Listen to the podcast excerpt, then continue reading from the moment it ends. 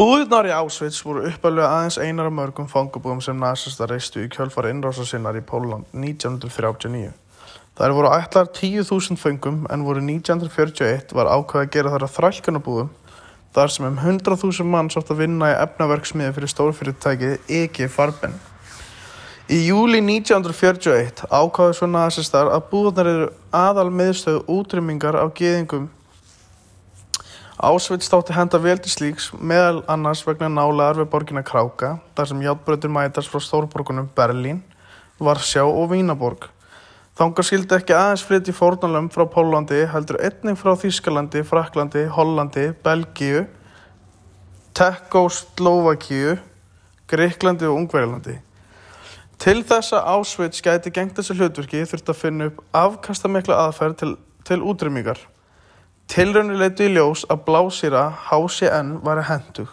Hún er nefnilega bráðdreipandi því að ekki þarnum um 50 gram til að myrða um 1000 manns. Hún verkar fyrst á frumur í öndunumvegi fórnarlampana og leiðir oftast til þess að þau kapni á fáum mínútum. Fyrsta flutningalestin kom með fórnarlömm til Auschwitz í februar 1942. Afgræsla lestina fór þannig fram að karla voru skildir frá konum og börnum þegar fórnarlöfun hafi verið reygin frá borði. Næst völdu læknar þá úr hópunum tveimur sem þeir töldu nægilega hrausta í þrælkunarvinnu. Vali var tilvinna kent en sjötti til sjöndi hver var valin til vinnu og samtals eru 202.499 manns fyrir valinu á þeim tíma sem búðna voru í rekstri. Lagsbyrða fólk, ófriska konur, börn og gamalmenni áttu litla sem enga möguleika á að komast í hóp útvaldra. Þeir fáu sem valdi voru til vinnu komast hjá því að vera sendur umsvega laust í gasklefana og hinbóin var aðbúinað þeirra það íllur að meiri hluti þeirra ljasta veldum kulda, vinnu, þrælkunar, pyntinga, vannæringa eða sjúkdóma. Stærstu gasklefarnir í Auschwitz rúmuðu hátt í 2000 manns en samtals mátti taka þar af lífi um 8000 manns samtímis. Lofthæði klefunum var lítil svo að eitugasi nýttist sem best. Liftur auðvölduðu flutning á líkomunum úr gasklefunum og upp að líkbrennslu opnunum. En sérsveiti fanga sáu um þann flutning. Þetta voru einnig tilraunastofur þar sem læknar eins og til dæmis Jósef Mengele Engil döðans gerðu mannskæðar vísenda tilraunir á fórnalömpum. Þá var þar aðstæða til að skjóta fórnalömp til bana og til að bræða gull fyllingar úr tönnum svo að eitthvað sé nefnt.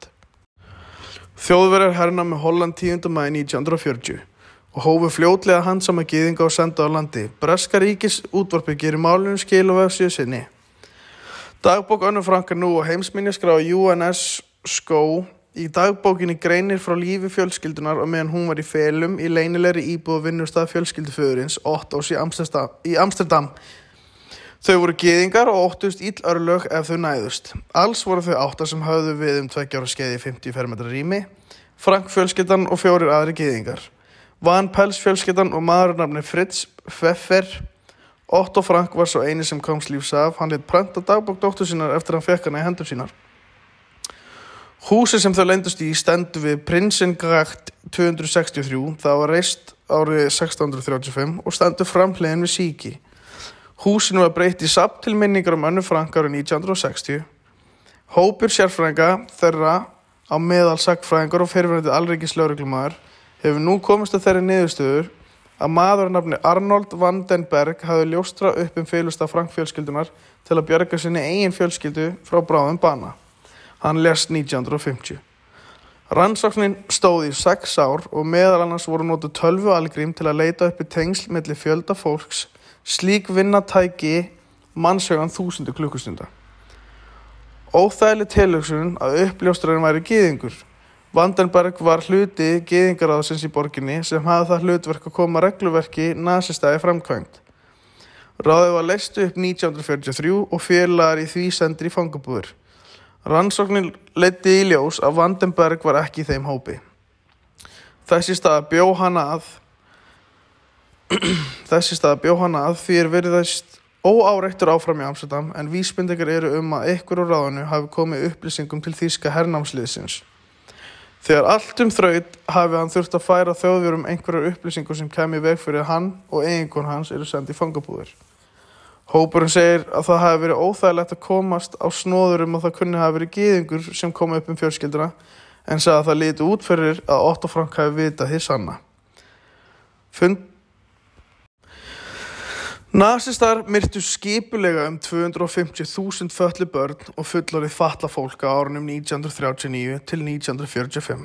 Samkvæmt áallinum sínum um líknar dráp, þessi skipulegu fjöldumar byggðust á hugmyndafræðum kynþætti, þar sem liti var svo á að fatla fólk ógnaði heilsu og hreinleika þýska kynstofsins. Fatla fólk var álitið gagslust fyrir þjóðfélagi og ætti því ekki skilið að lifa. Lífið þess væri einskis virði. Á þessu þýska plaggati frá um 1938 er hvað til stöðnings við líknardraf nazista til að halda niður í kostnæði af þjónustu við falla fólk. Á plaggatinu segir þessi, einstakli, þessi einstaklingur sem hefur ætlaðan sjúkdóm mun kosta samfélagi 60.000 mörg. Það eru líka þínir peningar félagi. Þessi hugmyndafræði ílskunar náðu að skjóta rótum meðal annars vegna þessa fólk og fræðamenn hvarvetna heimum var uppfyllt af kenningum um kynbætur þjóða og mannkynns. Þessi skelvilega saga má aldrei gleymast og við verðum að draga rétta lærdóma af henni. Öll mannréttindi standa og falla með einni einfaldri hugmynd. Allt fólk á jafnra rétti lífs og tækifæra í lífinu. Burt sér frá kynfriðess, kynþætti, föllun, litarhætti, kynneigð, þjóðurni, ætterni eða stöðu að öru leiti. Við mögum aldrei sopna á verðunum eða lifa í þeirri blekkingu af þessi hugmynd sem meitluð í stein og óbreytanleg um aldru og æfi. Hún er bara mannana verk og raunar er mjög stutt síðan þjóður heims fjallust á hún ætti að vera grundvöldur í samskiptum þeirra á áréttu í lögum allra ríkja. Það gerðist fyrir um 70 árum síðan þegar Evropa á stór hluti heimsbegarinnar hafi verið laður í rúst í hriglegu stríði. Stríði var við ríki sem stjórnust á hugmyndum um að tiltekni kynnt þetta var öðrum aðri og sögum þeirra varu réttræpir eins og geðingar og rómafólk og öðru fólki þurfti, þurfti að útrýma eins og fólki með þróskahamlum, geðföllun eða öðru föllu fólki og samkynnaðum. Mér finnst uh, að það er svo margt sem gleymist þegar maður heyrir umfyllur um helfurinn á nazista. Þú veist, það vita auðvitað allir hvað gerðist þarna einhverju leiti. En til dæmis þetta með allt fallaða fólki sem lendir svona hryllilega í á þessum tíma. Þú veist, þetta er eitthvað sem maður heyrir ekki mikið um, en þetta á ekkert skilið minni umfyllun.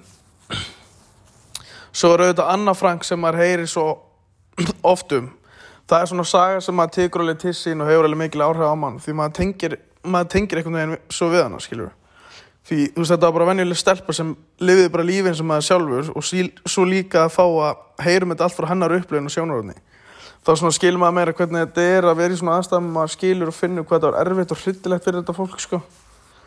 Mann finnst þetta oft vera svo fjarrir manni þegar maður lesa um svona en þetta er alls ekki svo langt síðan. Og þetta var að gerast fyrir venjulegt fólk bara eins og mig og og þið og, og í rauninni getur gæst fyrir hvert sem er